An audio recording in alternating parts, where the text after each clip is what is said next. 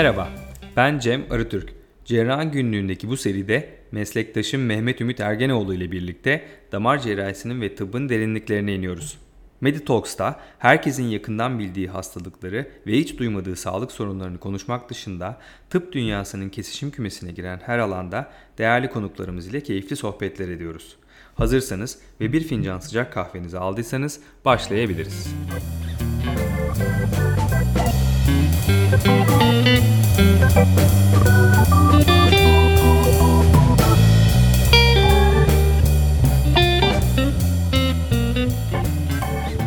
Evet yine bir çarşamba yeni bir programda tekrar karşınızdayız. Ee, Mehmet Ümit Ergenoğlu ile birlikte. Hoş geldin Mehmet. Merhaba, hoş bulduk. Bugün yine bizimle alakalı bir konuşacağız. Bir konu konuşacağız. Damar cerrahisinde varislerle alakalı. Bu sefer varislerin estetik tedavisini e, konuşalım istedik. Çok sorulan sorular var bununla alakalı. E, aslında bir takım bilgi kirlilikleri de var. Mümkün olduğunca o kirlilikleri temizlemek ve e, gerekli e, düzgün bilgiyi vermek istedik. E, ne diyorsun Mehmet? Varis dediğimiz zaman estetik tedavi nasıl çok, başlayalım? Çok geniş bir konu ama e, aslında en çok üzerinde durulan e, başlamakta fayda var. E, hem zaman açısından. E, bence skleroterapi ve kılcal damarların e, lazer veya radyo frekansla tedavisi diyelim. ha? Evet, aynen öyle yapalım. Zaten elimizde şu anda varislerde estetik tedavide kullanabildiğimiz iki tane silah var. Bir tanesi çok eski bir silah, 1800'lerden beri kullanılan. Hatta işin medikal yani tıbbi amaçlı tedavisinde de e, zaman zaman kullanılıyor. Skleroterapi, halk arasında bilinen adıyla köpük tedavisi. Yani bu damarların içine köpük formda veya da sıvı formda bir ilaç enjekte etme işi.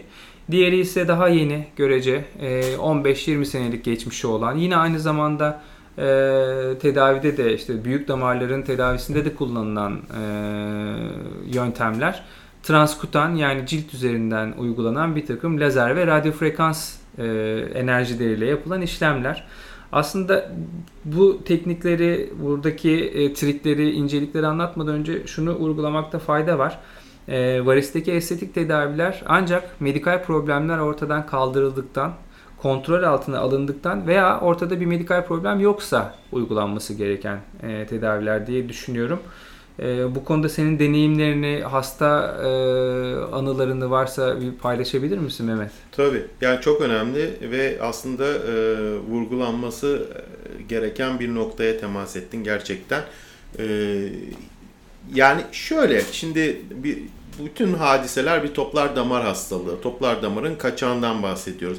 Eğer ana kaçağı, ana kaçak seviyesinde, şey kapak seviyesinde varsa kapatmadığımız sürece skleroterapi adı altında yapılan kozmetik girişimlerin hemen hepsi e, başarısız olacak. Uzun dönem veya kısa dönemde. Onun için altta yatan sebeplerin gerçekten identifiye edilmesi, belirlenmesi gerekiyor. Burada bir kapakta problem var mı? Ya da bu kılcal damarların ortaya çıkması bir hormonal durum dengesizliğe bağlı, dışarıdan alınan ekstra bir hormon mu yapıyor vesaire gibi bunların hepsinin net bir şekilde dokümante edilmesi gerekiyor.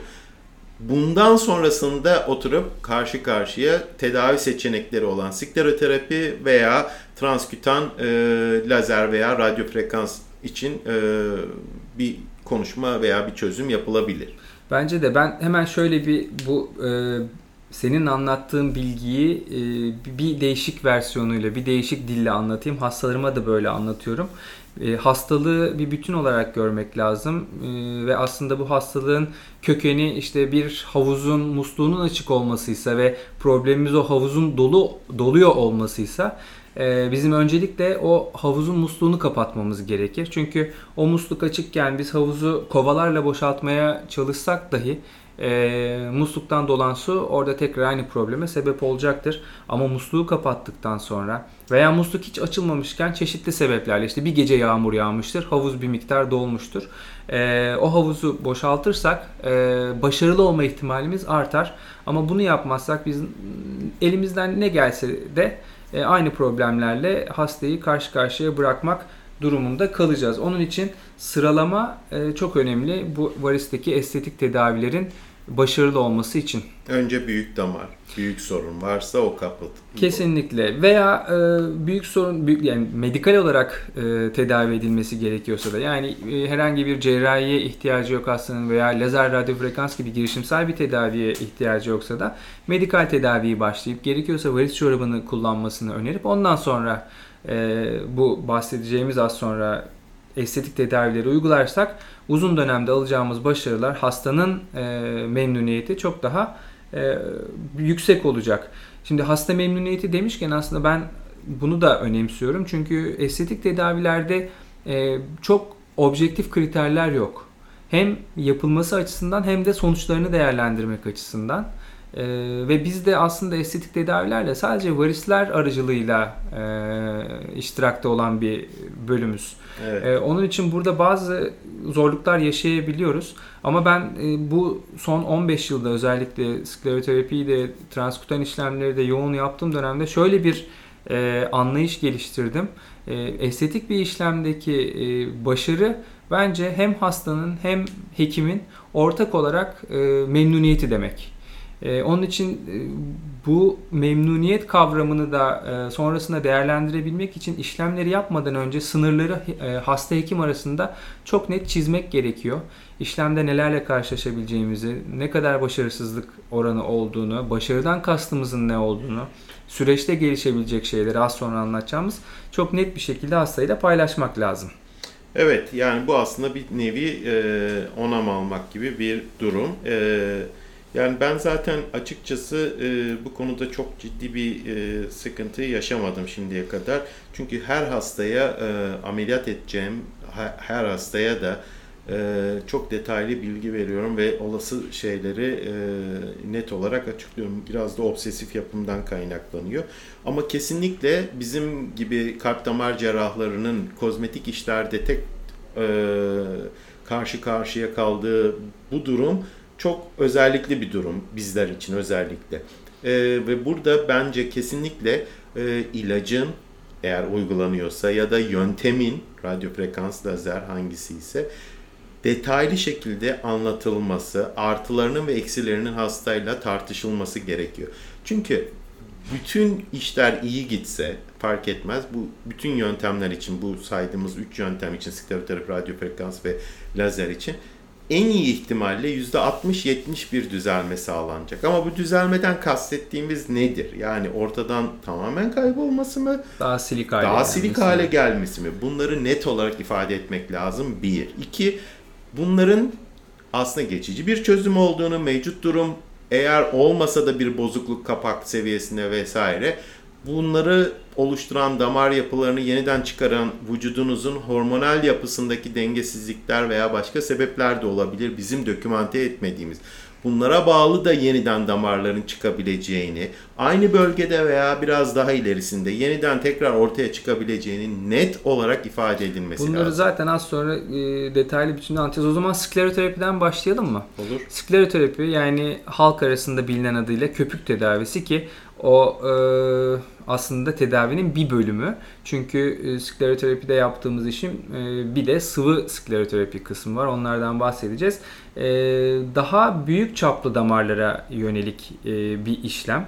E, skleroterapide bizim hedeflediğimiz e, damarlar gözle çok rahat görülebilen, e, kimi zaman deriden hafif kabarmış olan, daha böyle turkuaz renkli e, ve elinizle bastırdığınız zaman içindeki kanın temizlendiğini görüp kaldırdığınız zaman içine tekrar kanın dolduğunu fark edebildiğiniz e, damarlara yönelik yapılan bir işlem. Telenjektazi ya da e, spider dediğimiz evet. örümceksi damarlar. Evet, e, örümcek ağ gibi böyle evet. bir e, ana kökten gelişmiş damarlara yönelik yaptığımız işlemler. Aslında burada şunu da vurgulamak lazım. Buradaki damar yapılanmaları genelde bir ağaç yapılanmasına benziyor. Bir tane ana kök oluyor veya bir iki tane büyük ana kök oluyor. Ondan çıkan büyükçe damarlar, ondan sonra daha küçük damar dal, damarlar yani ağaç dalları gibi ve en uç dallar, e, en ince dallar oluyor. Bizim skleroterapide esas amaçladığımız bu ana gövdeye veya büyük dallardan bir tanesine bir e, ilacı enjekte ederek daha sonra bütün o dalların yani damarların e, o ilaçta sıvanmasını ve etkiyi e, görmek. Esas amaçladığımız şey e, bu. Peki skleroterapide e, seanslar nasıl yapıyorsun sen? Oradan başlayalım. Teknik kısmından başlayalım.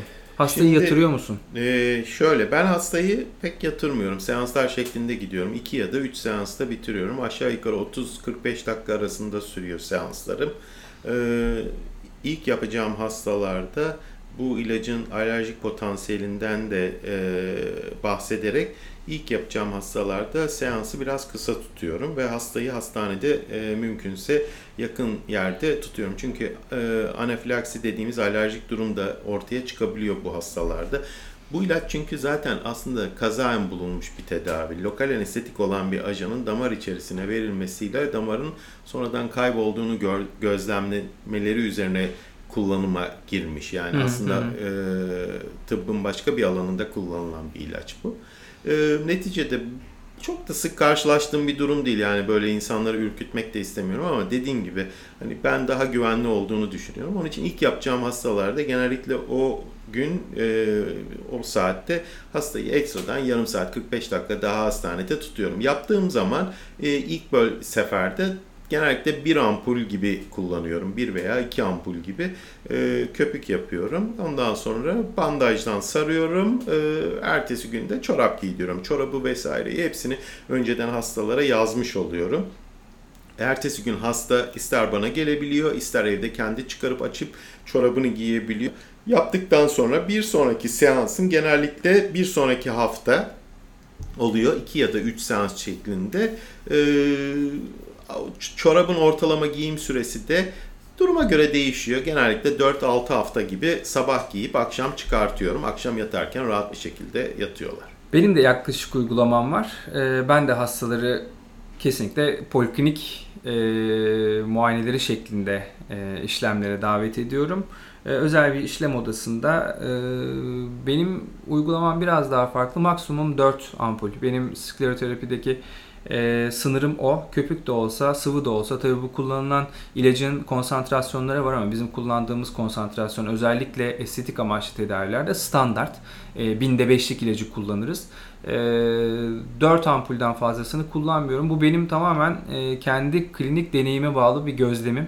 4 ampulün üzerine çıktığım zaman e, o demin bahsettiğin alerjik reaksiyon ihtimali çok ciddi olarak artıyor. Ee, onun için 4 ampulün altında kalacak şekilde yapıyorum ve genelde de hastalara kaç seansa ihtiyacı olacaklarını bu değer üzerinden e, söylüyorum. Yani yaklaşık olarak bacaklarındaki damar miktarı her seansta maksimum 4 ampul kullanırsam kaç seansta biter gibi bir değerlendirme, hesaplama yapıyorum. Ben de e, eğer mümkünse hastanın bir acelesi yoksa çünkü az sonra bahsedeceğiz mevsimsel özelliklerini bu skleroterapinin e, birer hafta 7'şer gün aralık bırakmayı uygun görüyorum. E, seanslar arasında e, aynı bir bölgeye bir kere bir seans yaptıktan sonra minimum 1-1,5 ay beklemeyi uygun görüyorum. Ben çünkü aslında 6 ay sürer bu skleroterapilerde e, esas iyileşme süreci. Yani 6 ay bitmeden biz o bölgedeki damarın ne olacağı hakkında sadece bir öngörüye sahip oluruz ama 1-1,5 ay içinde yaklaşık anlayabiliyoruz. Oradaki damarın bir tekrar girişime ihtiyacı olup olmayacağını. Onun için aynı bölgeye uygulayacağım skleroterapileri minimum 1-1,5 ay sonra yapıyorum ama ardışık seanslar arasında farklı bölgelerde yapılacaksa bir hafta yeterli oluyor. Şey çok önemli bence de uygulanması gereken bir şey. İşlem sonrasında bir yarım saat 45 dakika hastaları ben hastanede tutuyorum ve mümkünse yürümelerini istiyorum. Kesinlikle. Hastanenin en fazla işte çıkın bahçesine, bahçesinde hastaneden 100 metre, acilden 100 metre uzağa gitmeyecek şekilde şöyle bir tur atın diyorum. Bir yarım saat 45 dakika. Bu yürüme hem o bölgedeki kan dolaşımını arttırarak ilacın her damara ulaşmasını e, sağlıyor. Hem de acile yakın olmak gelişebilecek olumsuz durumlarda e, ani e, müdahaleyi e, imkan dahilinde kılıyor. Peki mevsimden bahsettik az önce. Nedir bu mevsim e, sorunu skleroterapide? Aslında aslında e, her daim uygulanabilir ama ilacın e, uygulandıktan sonra yüzeysel bir damar olduğu için genellikle uyguladığımız damarlar derinin aşağı yukarı yani 2-5 milim altında olan yüzeysel ve görünür damarlar olduğu için e, ilacı uyguladıktan sonra e, kanın pıhtılaşmasına bağlı bir takım reaksiyonlar orada oluyor ve ultraviyole, güneş ışığı da bu reaksiyonlarla beraber maalesef kalıcı demeyeyim, geçici ama biraz uzun kalıcı diyelim. Ee, damarsal e, renk değişikliklerine sebep oluyor. Ve açıkçası hani bu süreci biraz daha kısaltmak, iyileşme sürecini kısaltmak adına ben hastaları genellikle e, Mayıs 15'ten sonra yapmıyorum. Yani Mayıs'tan Mayıs 15'ten aşağı yukarı Ekim başına kadar ölü sezon diyorum. Skleroterapi yapmıyorum. Aynı şekilde. Ama birazdan bahsedeceğimiz transküten radyo frekansta biraz farklı. biraz farklı. Onu yapıyorum. Skleroterapide benim de aynı. Burada şeyi vurgulamak lazım. Şimdi skleroterapide ister köpük uygulayın, ister sıvı skleroterapi uygulayın ki bu e, köpük mü yapılacak, sıvı mı e, enjekte edilecek birazcık deneyime yani yapan hekimin kendi Deneyim, deneyimine damar bağlı. çapı, hastanın beklentisi, hastanın durumu ona ben, göre. ben mesela benim tercihim e, çok kemik üstü bölgelerde sıvı tercih etmiyorum. Seyreltebilmek adına köpük uyguluyorum. Daha yüzeyel damarlarda, daha geniş damarlarda e, pardon daha ince damarlarda köpük uygulamayı tercih ediyorum. Sadece e, daha derin yerleşimli ve o demin bahsettiğimiz ağaç oluşumunun ana gövdesi olan bir damar varsa oralarda sıvı e, ilaç kullanmayı tercih ediyorum.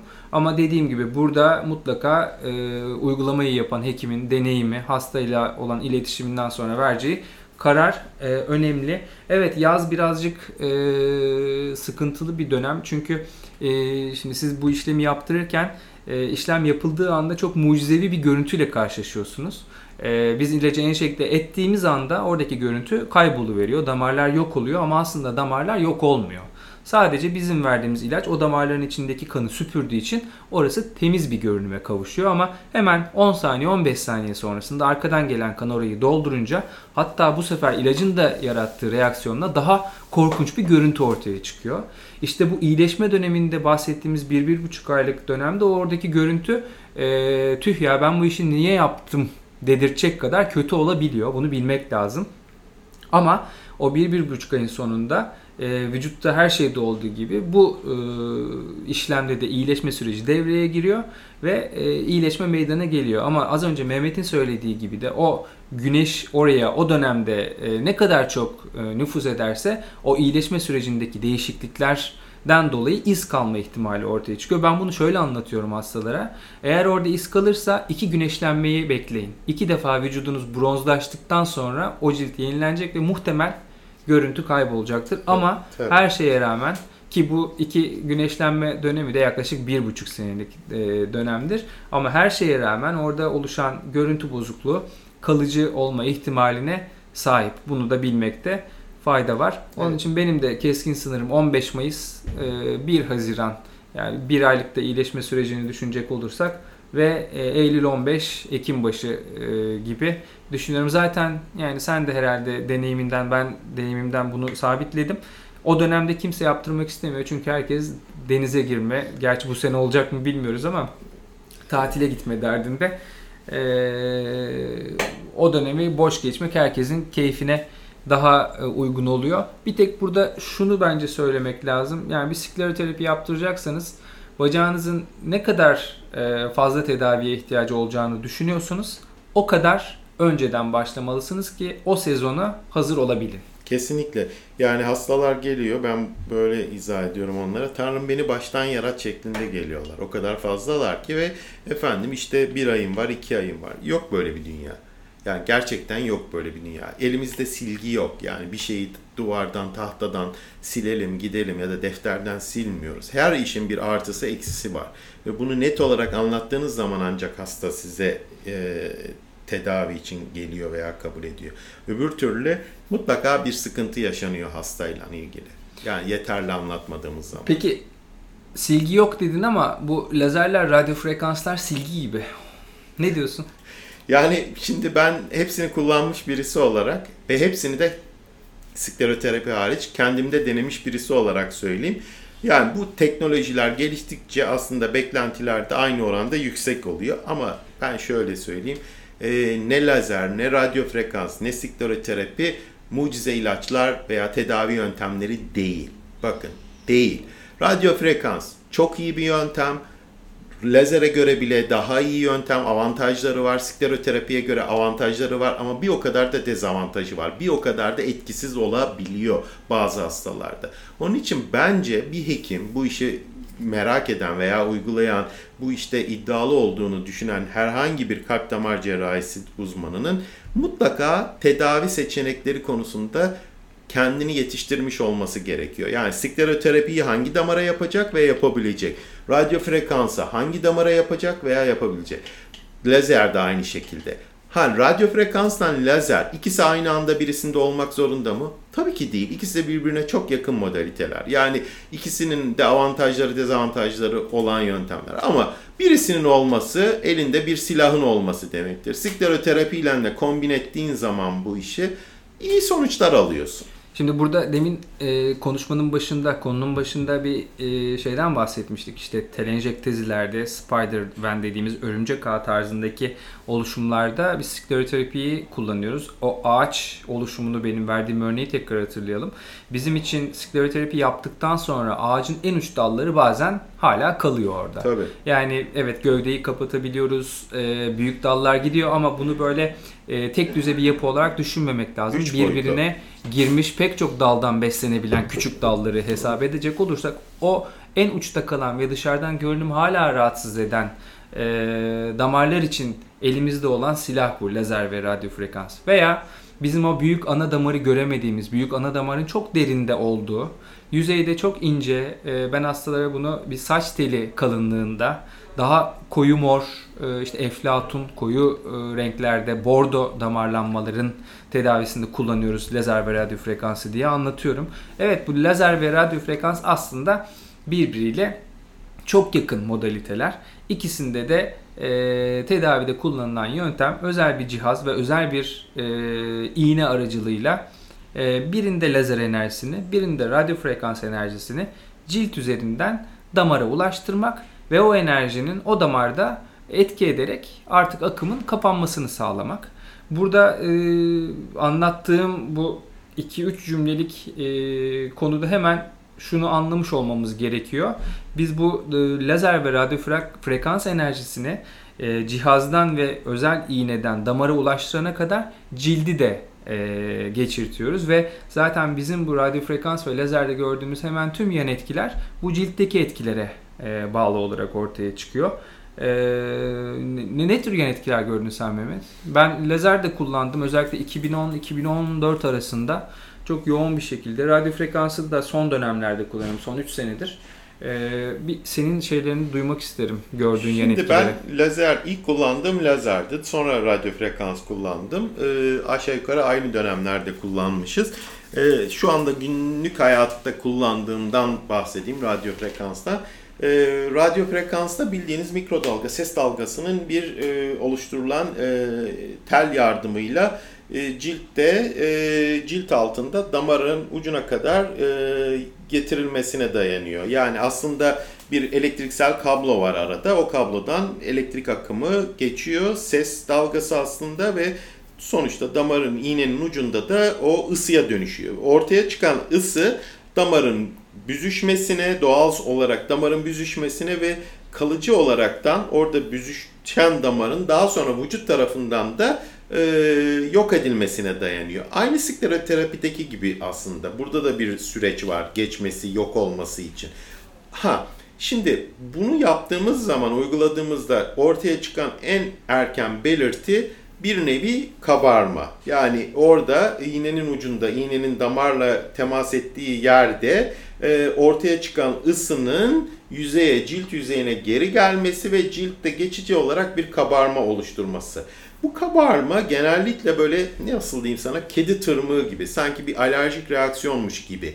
Ama bu yaklaşık 2-3 saat sürüyor. 2-3 saat sonra o normal rengine kalıyor ama kabarıklık ortadan kayboluyor ve düzleşiyor. Genellikle ikinci günden sonra da orada bir kabuklanma, hafif bir kabuklanma. Nokta nokta. Evet, nokta nokta ve genellikle bir haftadan sonra da böyle damarda kaybolmak belirtileri başlıyor. Ee, yani bunda da e, skleroterapide olduğu gibi e, şeyi beklemek lazım. Süreci beklemek lazım. 4-6 hafta. Ee, yani yine aynı skleroterapide verdiğim örnek gibi bunu yaptırdıktan sonra da hastaların çoğunda ben niye yaptırdım bunu gibi bir e, düşünce oluşabilir. Çünkü o ilk bir haftaki görüntü e, daha önceki görüntüyü aratacak tarzda olabilir. Özellikle Evet. o kabuklanmanın Evet. olduğu dönemde. E, benim en çok başıma gelen şey bu kabuklanmalardan dolayı iz bırakması oldu yapılan işlemlerin. Özellikle lazerde ç- biliyoruz çünkü lazerde zaman içinde dalga frekansı yükseldikçe daha damara spesifik hale, damarda daha çok etki eder, etraf dokulara daha az etki eder hale geldi. Özellikle o ilk nesil lazer e, kullandığım dönemlerde bu iz bırakma e, olayıyla daha çok karşı karşıya kalmışım. Radyo frekansta hemen hemen e, neredeyse hiç görmedim Çok çok diyebilirim. az. Çok çok E, radyo frekansta karşılaştığım en büyük e, olumsuzluk tekrar ihtiyaç duymak. E, yani bir kere yaptığım yere ikinci, üçüncü sefer e, yapmam gerekiyor. E, ve bunu da mutlaka o yüzden hastalarımla işlem öncesinde Tabii. daha tedaviye başlamadan e, konuşuyorum. Yine aynı şekilde skleroterapide olduğu gibi iki, aynı bölgeye yapılacak ikinci, üçüncü işlemler için beklemek lazım. O 4-6 haftalık süreci. Bir, hem cildin kendini toparlaması için. iki damardaki etkinin e, oluşup oluşmadığını tam olarak net olarak Burada da görebilmek bir şey için. var. Ee, radyoterapi, radyo frekans veya e, lazerde hastalara çorap giydirmemize gerek kalmıyor. En iyi tarafı bu. Mobil olarak hasta geliyor, herhangi bir bandaj yapmasına gerek kalmadan gidiyor. Hastalara yaptığım zaman benim söylediğim şey o gece banyo yapamıyorlar ya uygulamanın. Bu O skleroterapi günden- için de geçerli aynı Skleroterapi için de geçerli ama radyo frekans ve lazer dışarıdan transkütan ya da cilt üzerinden uygulanan tedavilerde e, hastalara nemlendirici krem öneriyorum ben. Günde iki defa ilk yapmaya başladığımız günde dahil olmak üzere yaklaşık bir hafta süreyle sabah akşam sürdürüyorum. E, hem cildin nemlenmesini sağlıyor. Hem o bölgedeki damar üzerindeki gerginleşme ve e, sertleşmeyi, kabuklanmayı yavaşlatıyor. E, ve hastalar da gerçekten bundan çok ciddi sonuç alıyorlar. Aynı bölgeye skleroterapi gibi seans olarak baktığında aynı bölgeye en erken 4 hafta sonra ben yapıyorum. Ama e, bir bacağı uyguladığımda 45 dakika o her yere yapabiliyorsun Tabii, çok rahat tabii. bir şekilde. Hani 4-6 hafta sonra aynı bacağa bir daha dönüyorum. Evet aynı, aynı, aynı yaklaşık uygulamalardayız. Burada ben e, şeyi bir kere daha baştan vurgulamak istiyorum. Lütfen bu konularda e, işlem yapacak hekimle iyi iletişim, iyi diyalog e, kurmak gerekiyor. Çünkü e, skleroterapi mi, lazer mi, hangisi ne zaman, sıralama bunların hepsi kişiye e, özgü e, kararlar. E, artı e, demin sen konuşurken, sen bahsederken aklıma geldi. İşlem sonrası uygulanacak e, önlemler de işte bu e, skleroterapi sonrası çorap giyelim mi, giymeyelim mi, bandaj yeterli olur mu? O da hastanın ve hekimin tercihine göre karar verilecek durumlar. Mesela ben e, altta yatan bir e, venöz yetmezliği olmayan hastaya tedavi uygulayacaksam ve hastanın daha önceden çorabı yoksa sadece bandaj e, uyguluyorum. Herhangi bir şekilde çorap giydirmiyorum. Ama işte Mehmet 4 hafta veya 6 hafta çorabı tercih ediyor. Bunlar tamamen kişisel tercihler. Biri doğru, biri yanlış değil. O yüzden mutlaka hekimle e, iyi bir diyalog içinde bu süre- süreci yürütmek lazım. Son bir e, soru var. Bu da e, bana çok sorulduğu için ben de senden bir deneyimini öğrenmek istiyorum Mehmet. Bacak dışındaki yerlerde özellikle yüzde en çok görülen yerlerden bir tanesi bu özellikle telenjektezlerin küçük e, damarlanmaların. Sen uyguluyor musun? Uyguluyorum e, ve de açıkçası çok keyif aldığım bir bölge. Gerçekten bacaklara göre e, sonuçlar daha hızlı e, alınıyor ve etkili oluyor. Çünkü e, bacakla oluşan kılcal damarlarla burun çevresinde, burun kanadının etrafında olanlar arasında gelişimsel olarak çok büyük farklılıklar var. Bacaktakiler daha e, sebatkar, daha e, yok olmamaya dirençli, e, yok olmaya dirençli davranıyorlar. Ama burun kanadındaki olanlar genellikle tek seansta, bilemediniz iki seansta bir hafta arayla ya da iki hafta arayla orada daha farklı yaklaşım yapıyorum. Radyo frekans uyguluyorum ve Cem sana şöyle söyleyeyim çok güzel sonuçlar alınıyor. Herhalde bunun kökeni de şey sonuçta e, bacaklarda negatif bir e, basınç etkisi var. Ama yüzdeki e, basınç etkisi e, gayet bizim yanımızda. Tabii. Herhalde iyileşmede onun da Tabii. e, etkisi var. Ben şahsen yüzde çok deneyimim yok. Deneyimim olmadığı için de e, yüz tedavilerini çok fazla gerçekleştirmem. O zaman bundan sonra adres belli oldu bu konuda da. Teşekkürler. E, Var mı e, Mehmet benim aklıma gelen başka bir şey kalmadı skleroterapi ile Gerçekten alakalı. aslında çok konuşulacak konu üzerinde durulması gereken ve önemli bir konu. Çünkü kozmetik ağırlıklı ve e, burada maalesef elimizdeki silahlar belli. E, ama e, bu konuyla ilgili belki daha detaylı, daha spesifik bir konuşma da düze, e, düşünebiliriz. Tek başına skleroterapi, tek başına radyo frekans, tek başına lazer gibi. Ama e, ancak bu kadar. Daha fazla yok. Evet. Teşekkür ederim Mehmet. Ben teşekkür ederim. Çok sağ ol. Ee, bir konunun ve bir e, bölümün daha sonuna geldik. Önümüzdeki çarşamba yeni konu ve konuklarla karşınızda olmak üzere iyi haftalar diliyorum.